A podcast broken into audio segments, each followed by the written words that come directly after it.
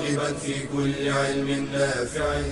ينمو العلم ويتقدم بتقنياته ومجالاته ومعه نطور أدواتنا في تقديم العلم الشرعي. أكاديمية زاد.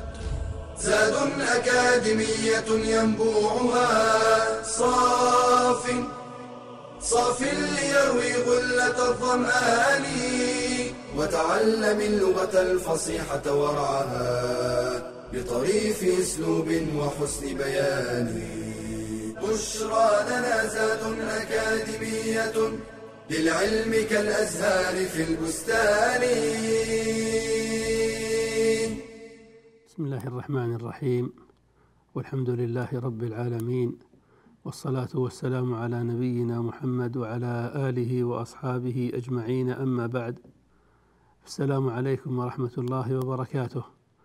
وحياكم الله وبياكم في هذا الدرس الرابع والعشرين وهو الدرس الأخير من دروس الدورة الثانية في المستوى الرابع من مستويات اللغة العربية في أكاديمية زاد وفي هذا الدرس بإذن الله سنختم الكلام على إعراب الفعل المضارع إذ تكلمنا على رفعه ثم تكلمنا على نصبه ثم تكلمنا على جزمه. وعرفنا أن المضارع ينجزم في ثلاثة مواضع. شرحنا الموضعين الأولين وهما إذا وقع المضارع بعد حرف من الحروف التي تجزم فعلا مضارعا واحدا وهي لم ولما ولام الأمر ولا الناهية. والموضع الثاني الفعل المضارع إذا وقع بعد أداة شرط من أدوات الشرط الجازمة وهي ثلاث عشرة أداة ذكرناها في حينها. ليبقى لنا بعد ذلك الموضع الثالث من مواضع جزم الفعل المضارع وهو الفعل المضارع إذا وقع جوابا للطلب. أو نقول الفعل المضارع إذا وقع جواب الطلب. وهذا الموضوع في الحقيقة ليس غريبا علينا لأننا كنا قد شرحنا بعضه في موضع سابق في نصب الفعل المضارع. تذكرون في نصب الفعل المضارع قلنا من مواضع جز من مواضع نصب الفعل المضارع الفعل المضارع إذا وقع بعد فاء السببية أو واو المعية. الواقعتين جوابا للطلب. في نحو قولنا اجتهد فتنجح. اجتهد وتنجح. فاجتهد هذا الطلب. لأنه يطلب منك أن تفعل اجتهاد. ثم بنى على هذا الطلب جزاء ونتيجة يسمونها جوابا. هذا الجواب قد تأتي به على أكثر من صورة. فإن جئت به فعلا مضارعا فإما أن تسبقه بالفاء أو الواو فينتصب المضارع كما ذكرنا ذلك في نصب الفعل المضارع. فنقول اجتهد فتنجح أو اجتهد وتنجح. وقد تأتي بالنتيجة فعلا مضارعا غير مسبوق بشيء لا بفاء السببية ولا بواو المعية. مباشرة تأتي بالجواب فعلا مضارعا. فينجزم لأن الفعل المضارع وقع مباشرة في جواب الطلب. فنقول اجتهد تنجح. اجتهد تنجح يا محمد. اجتهد فعل أمر مبني على السكون لا محل له من الإعراب. تنجح هذا فعل مضارع وقد وقع جوابا للطلب. فنقول تنجح فعل مضارع وهو جواب الطلب مجزوم وعلامة جزمه السكون. أو نقول للطلاب اجتهدوا والجواب تنجحوا. اجتهدوا تنجحوا. فاجتهدوا هذا فعل الطلب وهو فعل أمر. وتنجحوا هذا جواب الطلب. فنقول إنه فعل مضارع وهو جواب الطلب مجزوم وعلامة جزمه حذف النون لأنه من الأفعال الخمسة.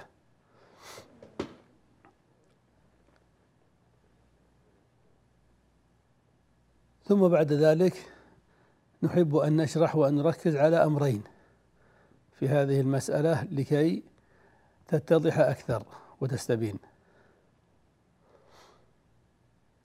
المسألة الأولى هي أننا نقول إن الفعل المضارع ينجزم إذا وقع جوابا للطلب. تمام الفعل المضارع واضح. وقع جوابا يعني جزاء ونتيجة للطلب. طيب ما المراد بالطلب؟ ما المراد بالطلب؟ الطلب يعني كل ما يدل على طلب.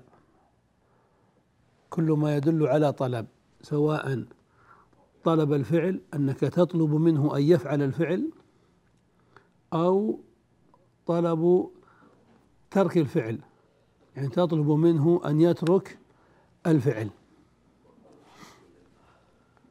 كلاهما يعد من الطلب. طيب هذا من حيث التعريف.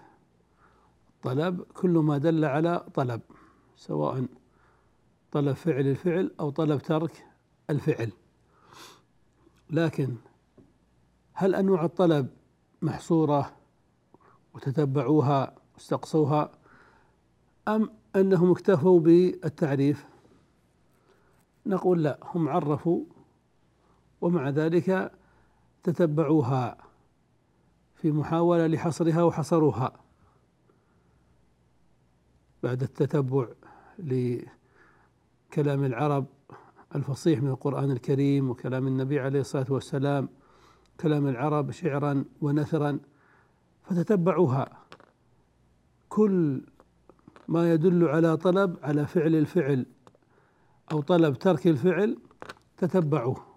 وحصروه فقالوا إن الطلب في اللغة العربية لا يخرج عن ثمانية أشياء. لا يخرج عن ثمانية أشياء وهي الأمر والنهي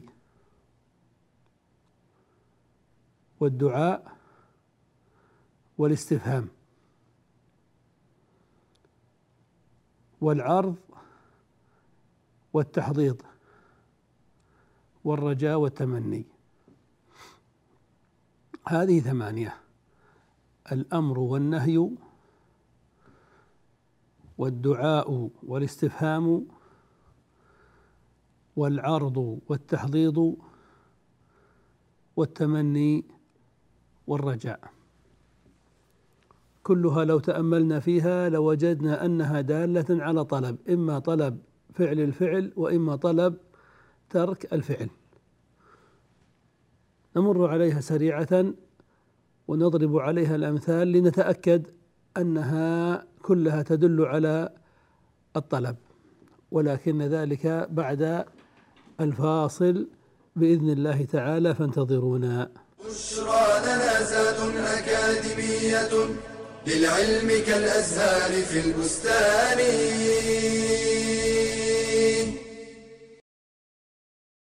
من رضي بالله ربا حقت عليه طاعته وعبادته. قال تعالى رب السماوات والأرض وما بينهما فاعبده واصطبر لعبادته. والصبر على أداء الطاعات أكمل من الصبر على اجتناب المحرمات. وطاعة الله تحتاج إلى أنواع من الصبر كالصبر على الإخلاص فيها ومدافعة دواعي الرياء والغرور والصبر على الاتباع فيها وتكميلها. والصبر على ترك التقصير فيها والابتداع والمداومة عليها وعدم الانقطاع. قال تعالى وأمر أهلك بالصلاة واصطبر عليها لا نسألك رزقا نحن نرزقك والعاقبة للتقوى. ومن صبر على الطاعة أثيب عليها عند العجز عن فعلها. قال صلى الله عليه وسلم إذا مرض العبد أو سافر كتب له مثل ما كان يعمل مقيما صحيحا. والمداومة على الطاعة تقود إلى حسن الخاتمة. فإن الكريم قد أجرى عادته بكرمه أن من عاش على شيء مات عليه ومن مات على شيء بعث عليه. فاصبر على طاعة الله حتى تلقاه. قال الحسن البصري رحمه الله. إن الله لم يجعل لعمل المؤمن أجلا دون الموت. ثم قرأ واعبد ربك حتى يأتيك اليقين.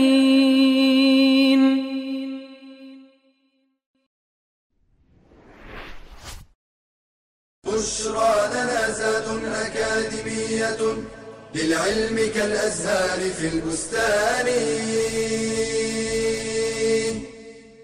بسم الله الرحمن الرحيم. توقفنا بعد أن قلنا إن العلماء تتبعوا ما يدل على الطلب فوجدوا أنها ثمانية أشياء وذكرناها. ونريد أن نذكرها الآن واحدا واحدا ونتأكد من دلالتها على الطلب. الأمر الأول الأمر.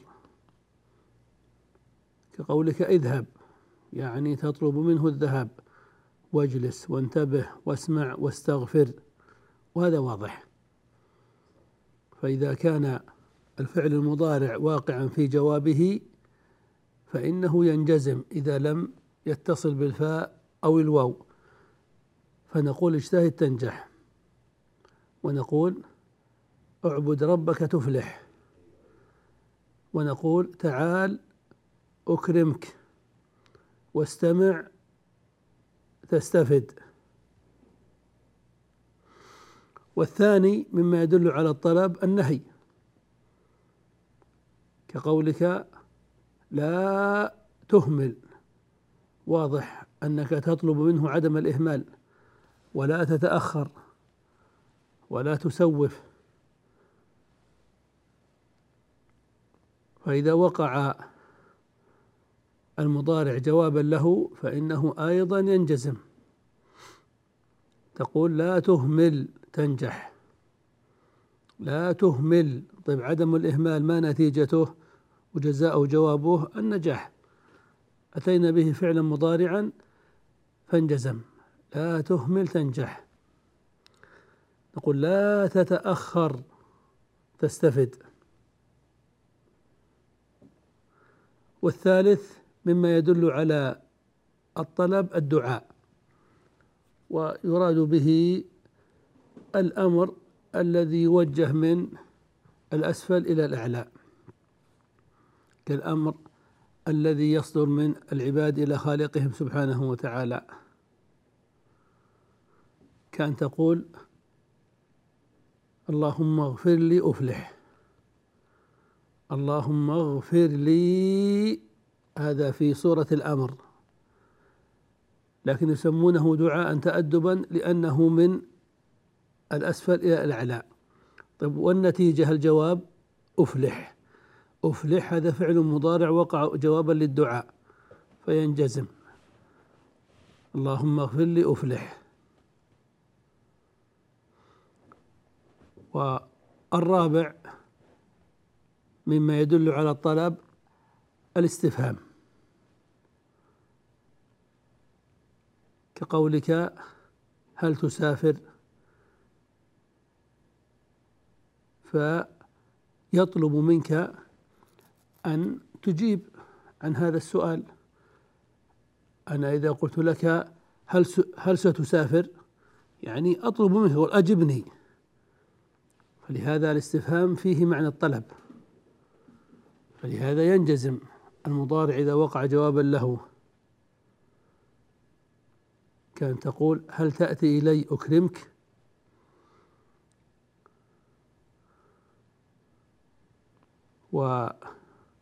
والخامس العرض.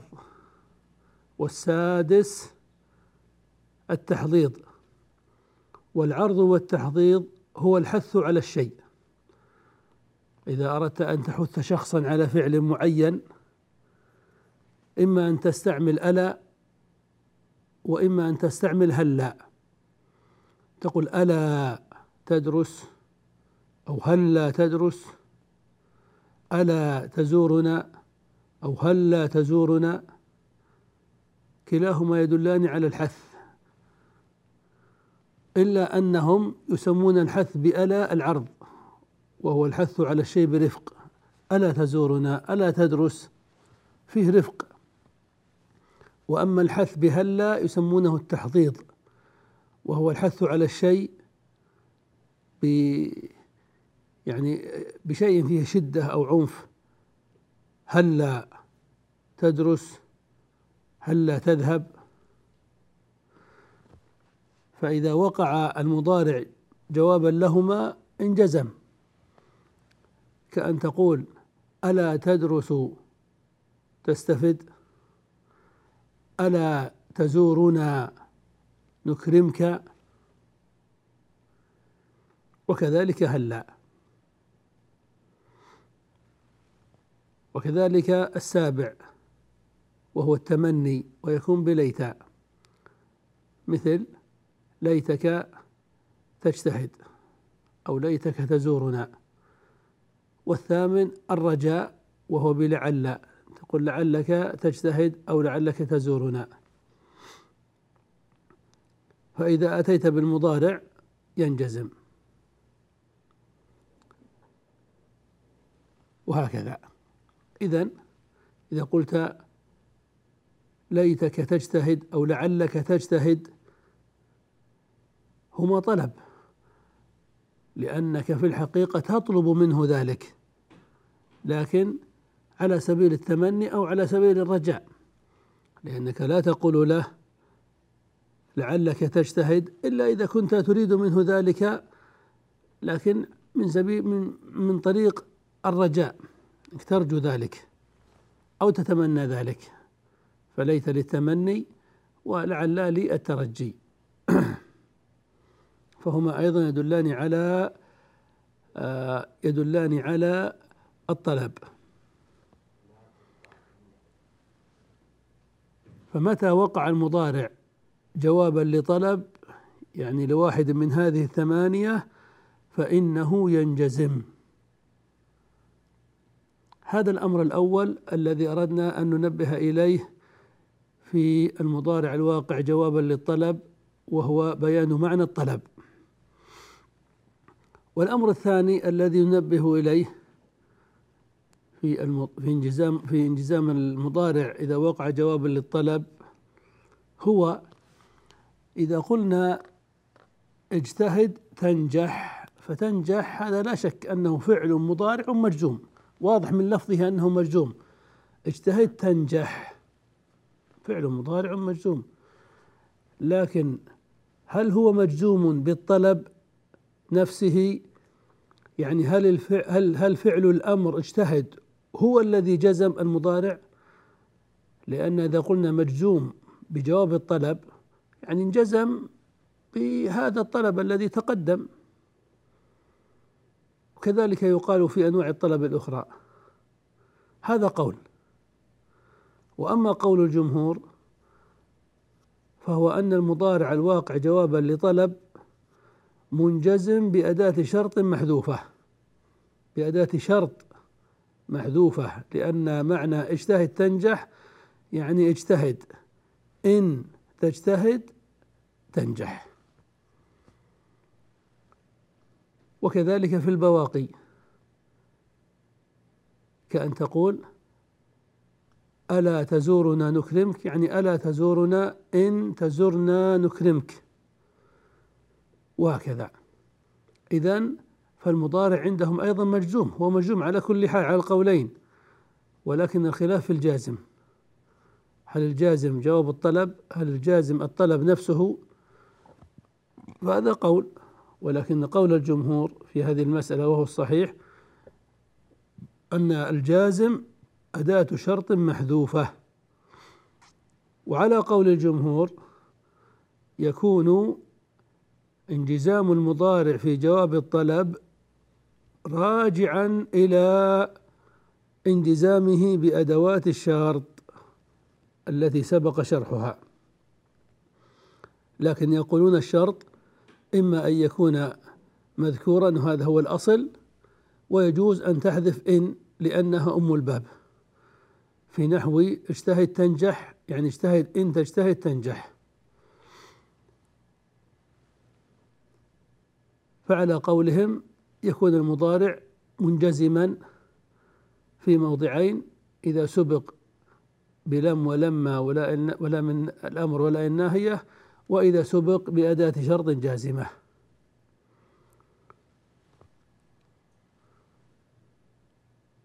فعلى ذلك نكون قد تكلمنا على جزم الفعل المضارع بجميع جوازمه ليبقى لنا بعد ذلك أن نلخص ما ذكرناه في أسلوب الشرط ثم نتكلم على إجابة التمرين وذلك إن شاء الله بعد الفاصل فانتظرونا.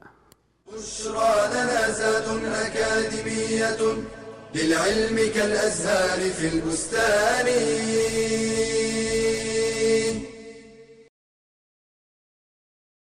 منذ خلق آدم عليه السلام وحتى يومنا هذا يقوم الصراع بين الحق وأهله والباطل وأهله ويفتح الله بينهما بحكمه فهو سبحانه الفتاح. فالفتاح هو الحاكم بين عباده بالعدل. قال تعالى ربنا افتح بيننا وبين قومنا بالحق وأنت خير الفاتحين. أي يحكم بيننا وبينهم بحكمك الحق الذي لا ظلم فيه. وفتحه تعالى بحكمه أنواع. منها فتحه بحكمه الشرعي فيما شرعه على ألسنة رسله. وفتحه بنصر أوليائه ودحر أعدائه.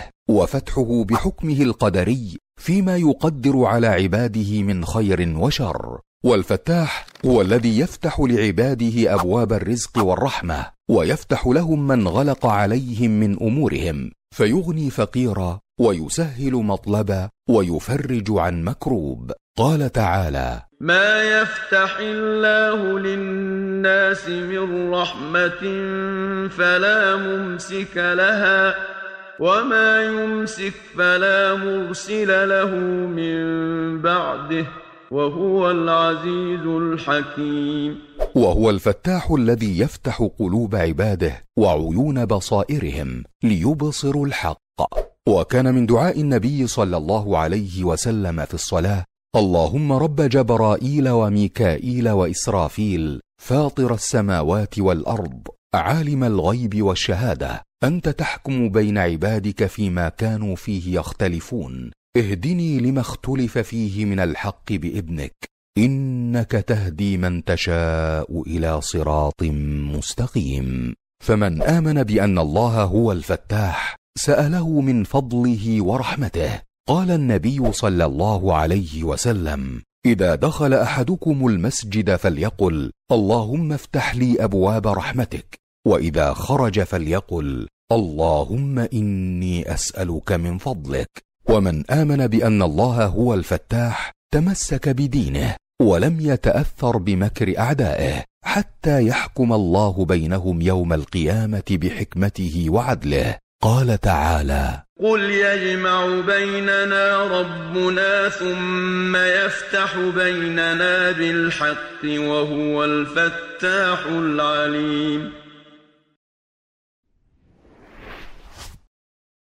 بشرى لنا زاد أكاديمية للعلم كالأزهار في البستان. بسم الله الرحمن الرحيم. فبعد أن تكلمنا على جزم الفعل المضارع وتكلمنا أيضا على أسلوب الشرط وأركانه وأدواته نلخص ما ذكرناه في أسلوب الشرط فنقول الشرط المراد بالشرط هو الربط بين حدثين يتوقف الثاني منهما على الأول. والشرط له أدوات وهي على نوعين. النوع الأول أدوات الشرط الجازمة وهي أدوات تدل على الشرط وأيضا تجزم الفعل المضارع إذا وقع فعلا لها أو جوابا لها. وسبق ذكرها وهي ثلاث عشرة أداة. والنوع الثاني من أدوات الشرط هي أدوات الشرط غير الجازمة. فهي أدوات شرط تدل على الشرط ولكنها لا تجزم الفعل المضارع إذا وقع بعدها. وعرفنا أيضا أن الفعل الماضي قد يقع في أسلوب الشرط. فعلا للشرط أو جوابا للشرط. فإذا وقع الفعل الماضي بعد أدوات الشرط الجازمة فعلا لها أو جوابا لها فيكون في محل جزم. وهذه الحالة الوحيدة التي يكون فيها للفعل الماضي محل إعرابي عند جمهور النحويين. فنقول فعل الشرط في محل جزم أو جواب الشرط في محل جزم. وإذا وقع الفعل الماضي بعد أدوات الشرط غير الجازمة فإنه يبقى على حاله لا محل له من الإعراب.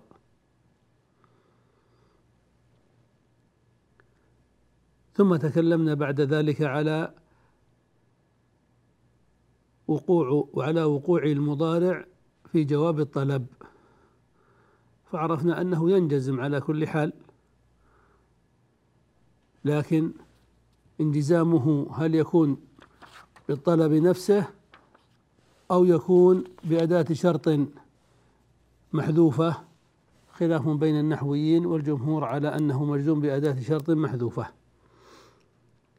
كما في قوله تعالى وقال ربكم ادعوني أستجب لكم. فأستجب جواب لي ادعوني. يعني ادعوني إن تدعوني أستجب. وكما في قوله تعالى أرسله معنا غدا يرتع ويلعب. يعني أرسله يرتع. يعني أرسله إن ترسله يرتع. وكما في قوله اقتلوا يوسف أو اطرحوه ارضا. طيب ماذا يترتب على ذلك؟ يخلو لكم وجه أبيكم. يعني إن تقتلوه يخلو لكم وجه أبيكم. ثم ننتقل إلى الإجابة عن التمرينات والنشاط. يقول السؤال الأول ميز بين أدوات الشرط الجازمة وغير الجازمة. مثال الأول قال تعالى إن تقرضوا الله قرضا حسنا يضاعفه لكم. طيب هذا أسلوب شرط. أين أداة الشرط؟ أداة الشرط إن وهي جازمة أم غير جازمة؟ نعم هي جازمة بل هي أم أدوات الشرط الجازمة. طيب أين فعلها وأين جوابها؟ فعلها تقرضوا إن تقرضوا الله. وجوابها ما النتيجة؟ الجزاء يضاعفه لكم وقد انجزما أما تقرضوا فعلامة الجزم فيه حذف النون لأنه من الأفعال الخمسة وأما يضاعف فعلامة الجزم السكون التي على الفاء.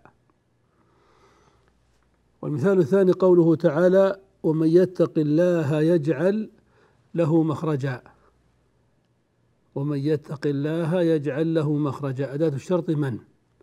أداة شرط. جازمة أم غير جازمة؟ نعم جازمة. جازمة. طيب أين فعلها وأين شرطها؟ فعلها يتق. والجواب يجعل.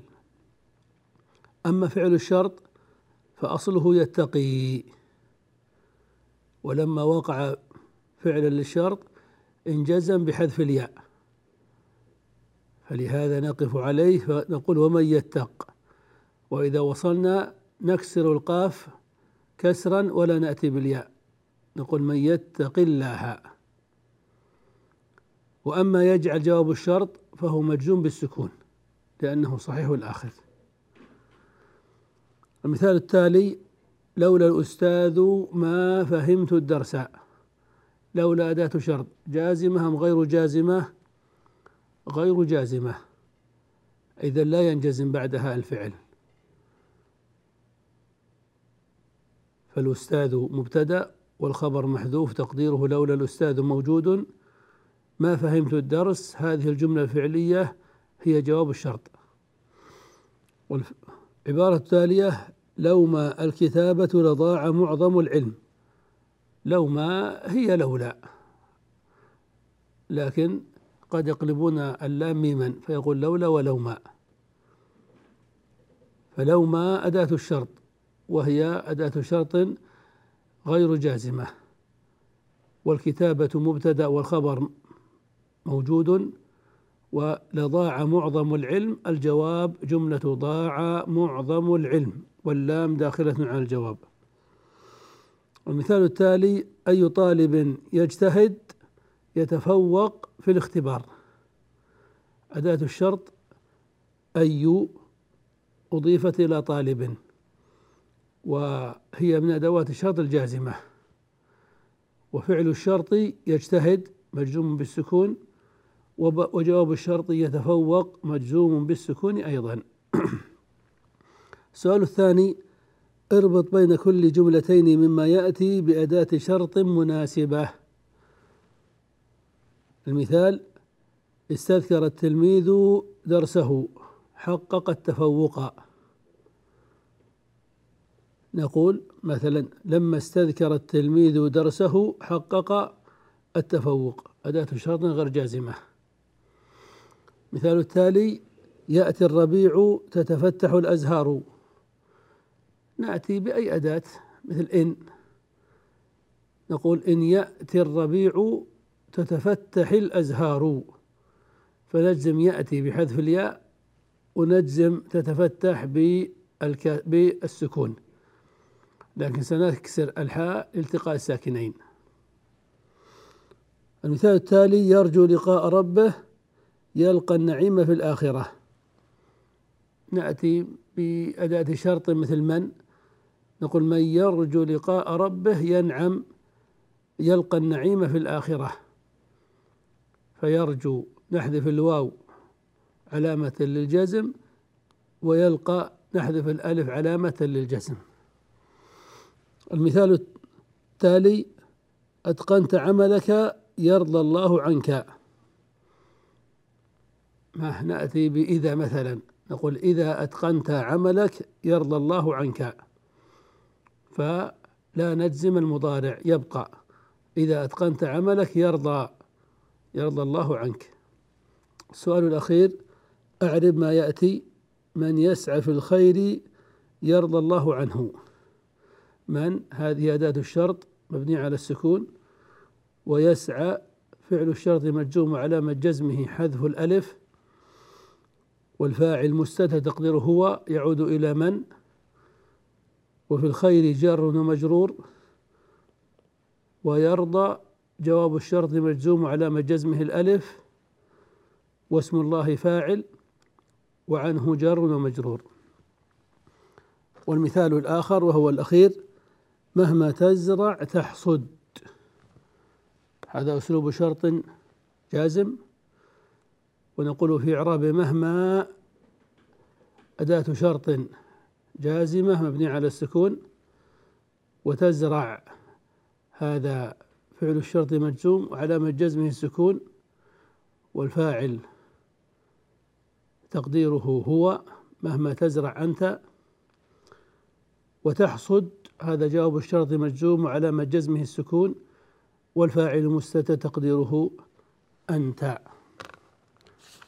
وبذلك نكون بحمد الله تعالى قد انتهينا مما أردنا أن نشرحه في هذا المستوى من الأساليب العربية وهي أسلوب التعجب وأسلوب التفضيل وأسلوب المدح والذم والتوابع الأربعة وأسلوب النداء ثم إعراب الفعل المضارع رفعا ونصبا وجزما.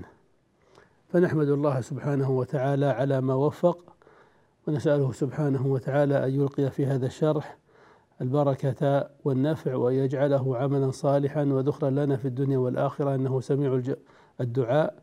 والله أعلم. صلى الله وسلم على نبينا محمد وعلى آله وأصحابه أجمعين. يا راغبا في كل علم نافع. ينمو العلم ويتقدم بتقنياته ومجالاته ومعه نطور أدواتنا في تقديم العلم الشرعي. أكاديمية زاد. زاد أكاديمية ينبوعها. صاف صاف ليروي غلة الظمآن وتعلم اللغة الفصيحة ورعاها بطريف أسلوب وحسن بيان. بشرى لنا زاد أكاديمية للعلم كالأزهار في البستان.